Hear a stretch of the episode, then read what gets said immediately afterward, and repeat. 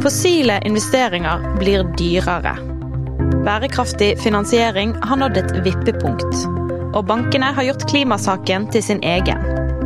Vi merker stor endring fra Cicero side bare i løpet av det siste året. Det er mange flere fra finansbransjen som er på oss og gjerne vil forstå hvordan kommer klimaet til å endre seg. Kristin Halvorsen er direktør ved Cicero senter for klimaforskning. Kommer man til å eh, tape penger pga. ekstrem nedbør? Men også hva slags prosjekter for framtida er det som vil være lønnsomme når utslippene skal ned til null? Hvorfor engasjerer bankene seg for klima? Hva har det å si for norsk næringsliv? Og kan det fremskynde det grønne skiftet?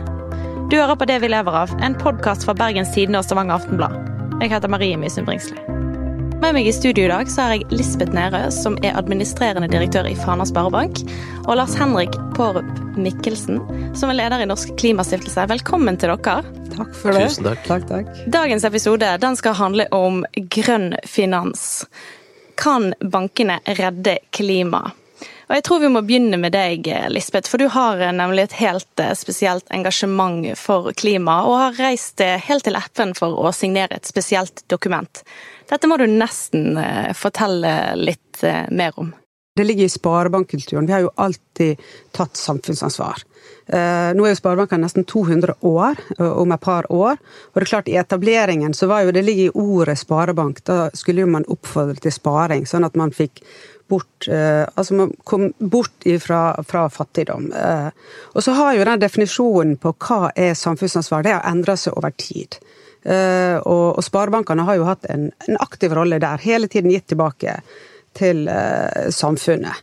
Sånn at det ligger jo i, i, i naturen. Og, og når jeg kom inn i Fana sparebank i 2014, så så jo det at det lå jo i DNA-et vårt. Uh, men da begynte jo det også å røre seg rundt det som gikk på klima. Jeg kom jo fra Jeg var konsernsjef i Tide.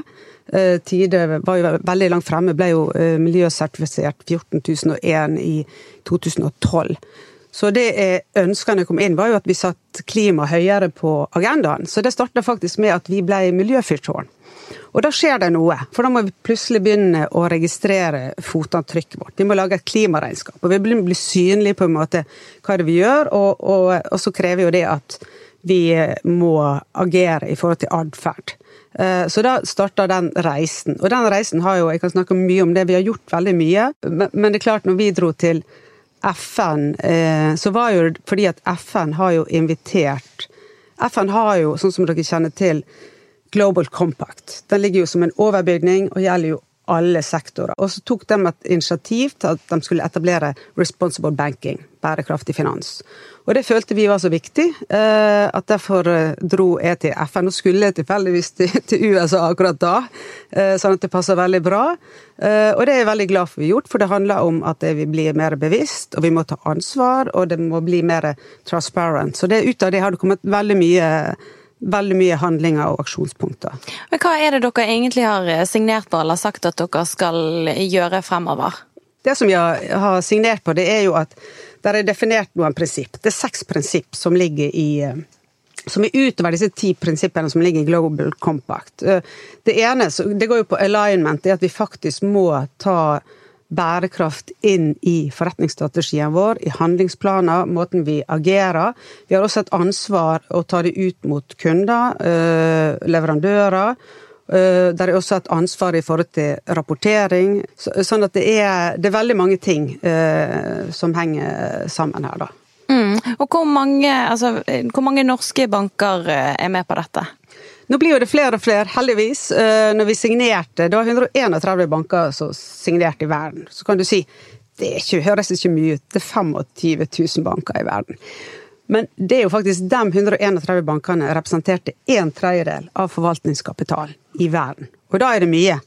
Uh, og du kan si faner som en mygg, vi teller jo ikke som en promille. Jeg vet ikke hvor langt bak uh, kommer, vi kommer der. Men, men, men, poenget er at det betyr at man man tar et ansvar globalt. Da var det, Den gang var det seks-syv bank, norske banker, eh, men det kommer jo flere og flere med nå. Så, så hele poenget er jo at eh, vi lærer av hverandre, vi deler. Jeg tenker sånn i forhold til finans, så er det Vi har jo tradisjon for å samarbeide på de områdene det er fornuftig å samarbeide om. Og jeg tenker akkurat når det gjelder bærekraft, så må vi lære av hverandre. Her har vi på en måte Her konkurrerer ikke vi. Men Lars Henrik, hva tenker du om at bankene nå virkelig begynner å, å engasjere seg for klimaet?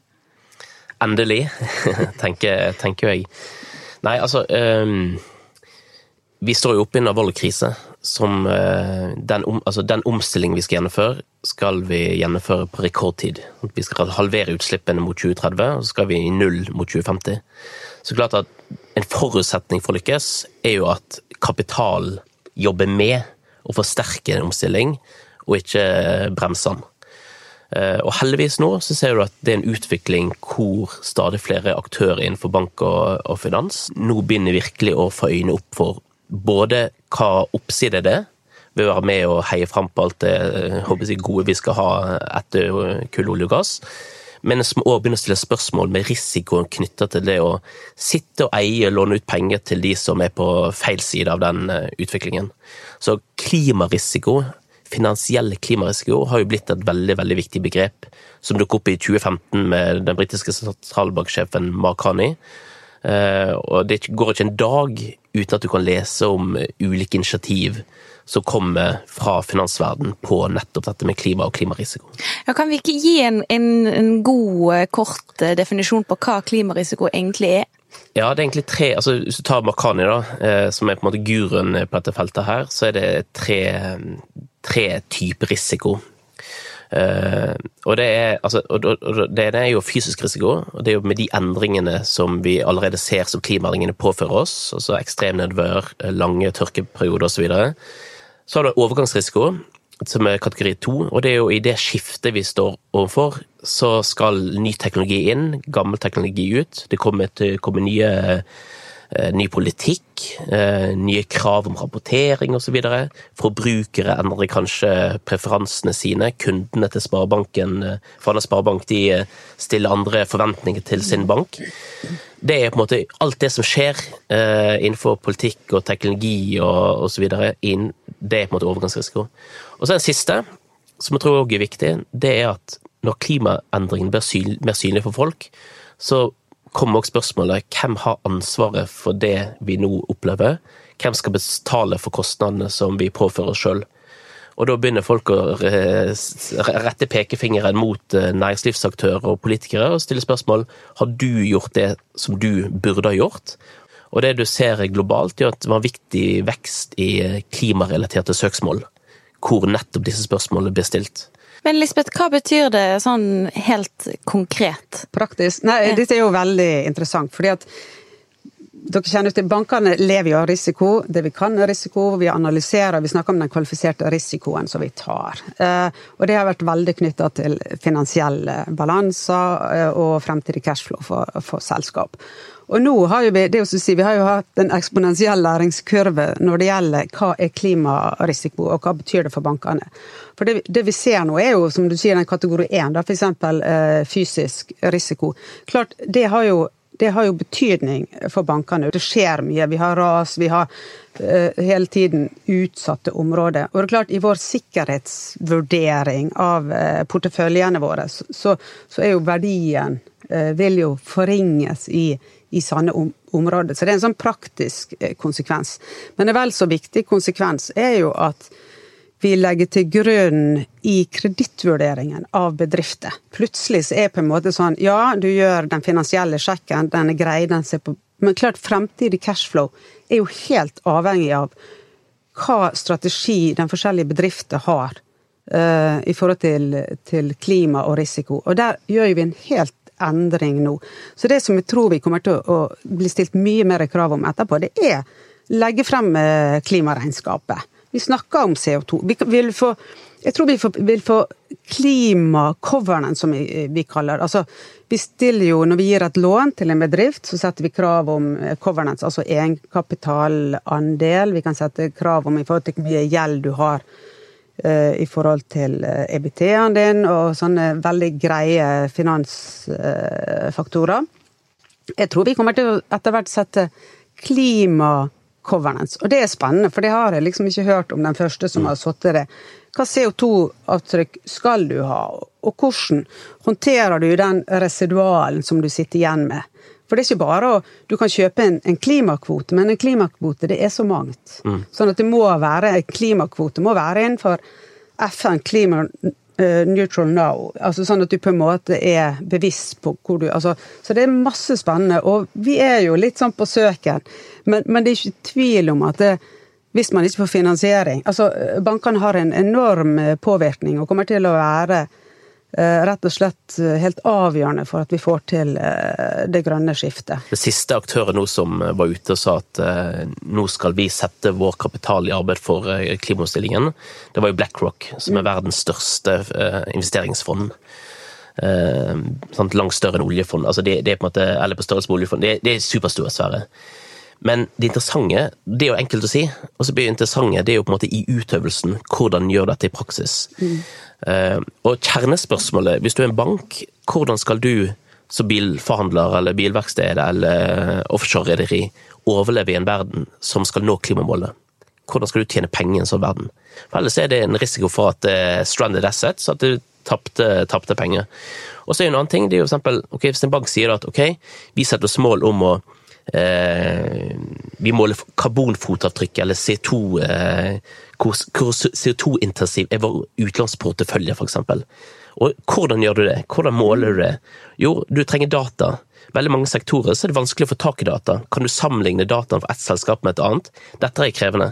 Så man er egentlig helt sånn i startfasen. Man har fått veldig masse sånn viljeserklæringer, men så er det på en måte nå i utøvelsen, og da er det helt rett som sagt at her er det òg lett å trå feil. Og det, det, tror jeg òg kommer til å bli adressert nå, dette med liksom greenwashing. At det, du kan håper jeg, stjele noen begrep og kalle det grønn og, og, bærekraftig. Men at jeg tror kravene til at du må dokumentere at det er noe på baksiden under panseret, de kommer til å bli langt sterkere framover. Og så tror jeg det er veldig viktig når du kommer inn på greenwashing, for det er jo det at vi får gode standarder. Jeg var og slo i bjella på Oslo Børs. Da eh, lanserte vi det første grønne obligasjon med fortrinnsrett, som det het, eh, i norske kroner. Og vi fikk en veldig god eh, second opinion fra Cicero, medium green, som er mm. veldig bra, som ikke har vært gitt før til den type virksomhet. Så det er klart det å få, og Vi venter på EU Taxonomy, som på en måte skal hvor man klassifiserer og kategoriserer grønne produkt. For man har hatt man har hatt, altså Det man har, har hatt, det er jo disse Green Bond Principle, eller frameworkene. Og Norge, Oslo Børs, var jo først i 2015 med å lage en system, altså en, en liste med rapportering av, av grønne obligasjoner. Og det er jo en, en framework som på en måte er satt. Eh, og det er, jo, det er jo viktig, men vi trenger det også for en del andre produkt. Og, det, og, Der var det jo veldig positivt det du sier nå, for at rett før jul sånn, så vedtok EU-parlamentet eh, e og, og, rådet eh, kom frem til en enighet om at man skal lage en såkalt taksonomi, mm. eller en green list, som sier. Mm. Altså en liste over Hvis du kaller et billån for grønt, så ikke bare at det fyller med det innholdet du vil. altså Da er det på en måte en, en kategorisering som burde oppfylle en del krav for å kunne kalle det grønt eller bærekraftig. eller hva du vil. Og Dette tror jeg kommer til å endre Uh, egentlig vil få, få, store konsekvenser for finansbransjen. Jeg, mitt første billån var det grønt billån, men det var ikke en elektrisk bil. Var det en grønn bil? uh, det, var, det, var, en Toyota Prius, men jeg har sett at uh, kravene for, i den banken, uten å nevne navn, de, altså, det var ikke så veldig grønt. Det var ikke snakk om utslippsfritt. Men poenget er at det der vil endre seg nå når eh, man får eh, rulle ut denne green list fra, fra EU. Og Det synes jeg er kjempespennende. fordi at, eh, så igjen, Bankene har vært på søk. Noen har på en måte definert grønne utlån. Altså Når det gjelder utlånsproduktene våre, så har ikke vi hatt second opinion. Noen har definert det som energiklasse A og B, som er ganske bra. Noen har sagt TEC10, som ja, det er jo bare en standard som kom i 2010. Og det gjelder jo alle nye bygg fra 12. Jeg, tror det var sånn det var. Så, så, jeg tenker, Men vi har jo faktisk eh, Fana Sparebank vi har gått litt lengre, og det har jo da Cicero Vi har fått krell fra dem da, for at vi tar det ett steg lengre. Og det er produkt som vi kommer med nå i, i vår.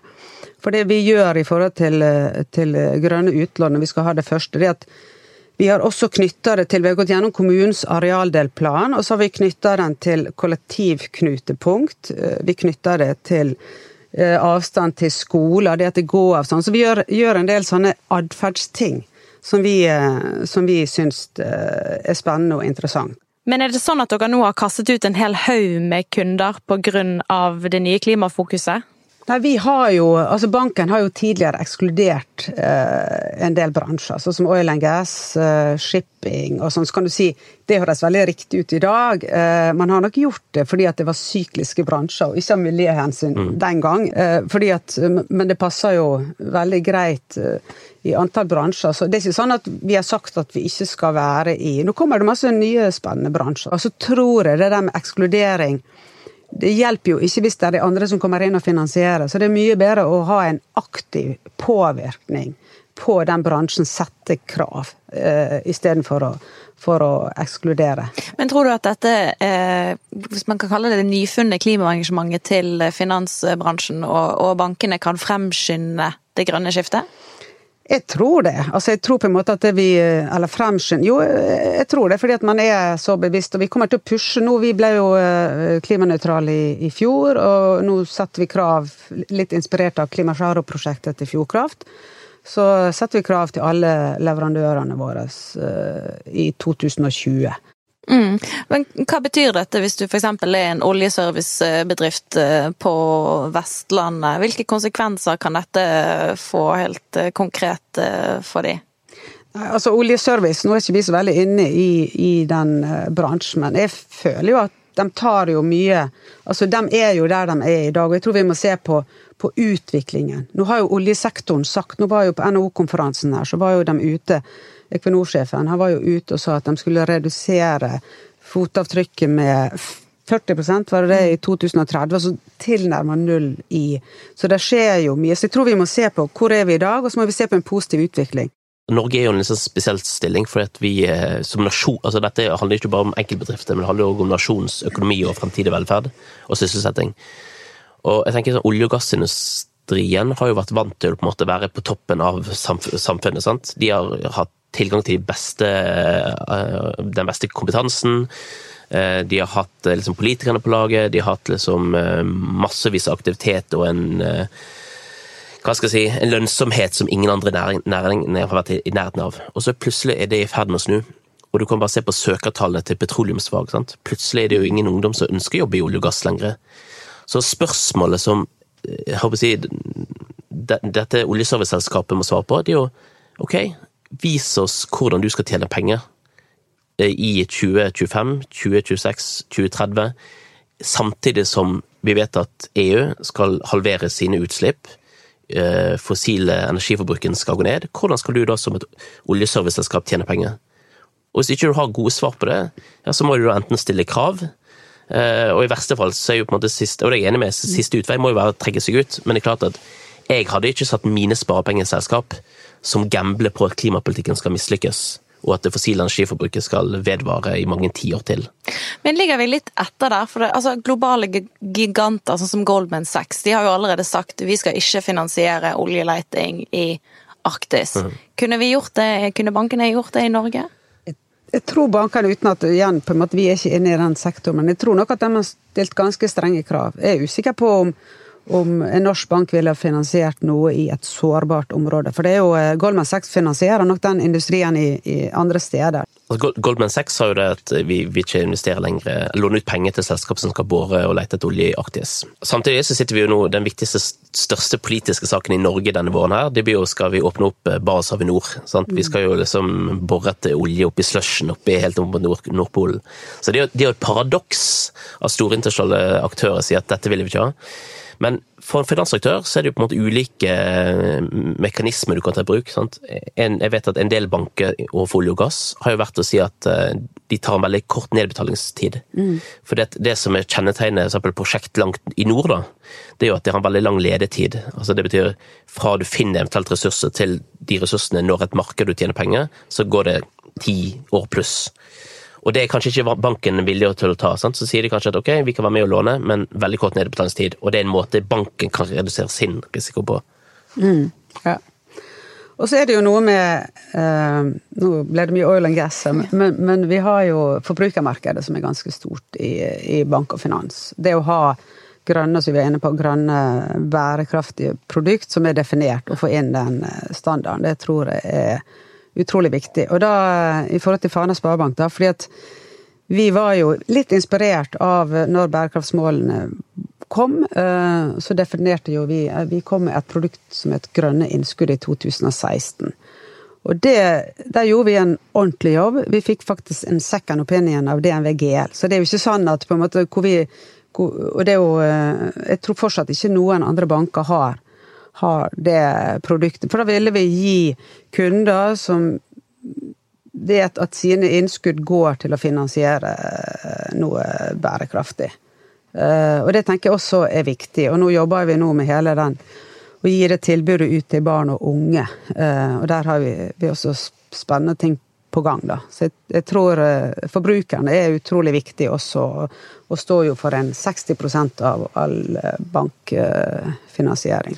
Og det, det, er et veldig viktig poeng, fordi at det, det overser man ofte. Sant? Et eksempel er jo det flyskam i Sverige, sant? hvor du ser at det er blitt et begrep og redusert flytrafikk i Sverige. Kjøttskam er noen som snakker om, men poenget er ikke skam, men det er at forbrukere endrer atferd. Og det tror jeg òg at enten du er en bank eller en bilforhandler eller avis eller hva det måtte være, så tror jeg forventningen om at altså krav til hygiene, hygienekravene blir helt annerledes enn det de var før. Så jeg vil ikke plassere pengene mine i en bank som ikke tar er på en måte på hugget på klima og på en måte er helt i, i, front der. Da går jeg heller til en annen bank.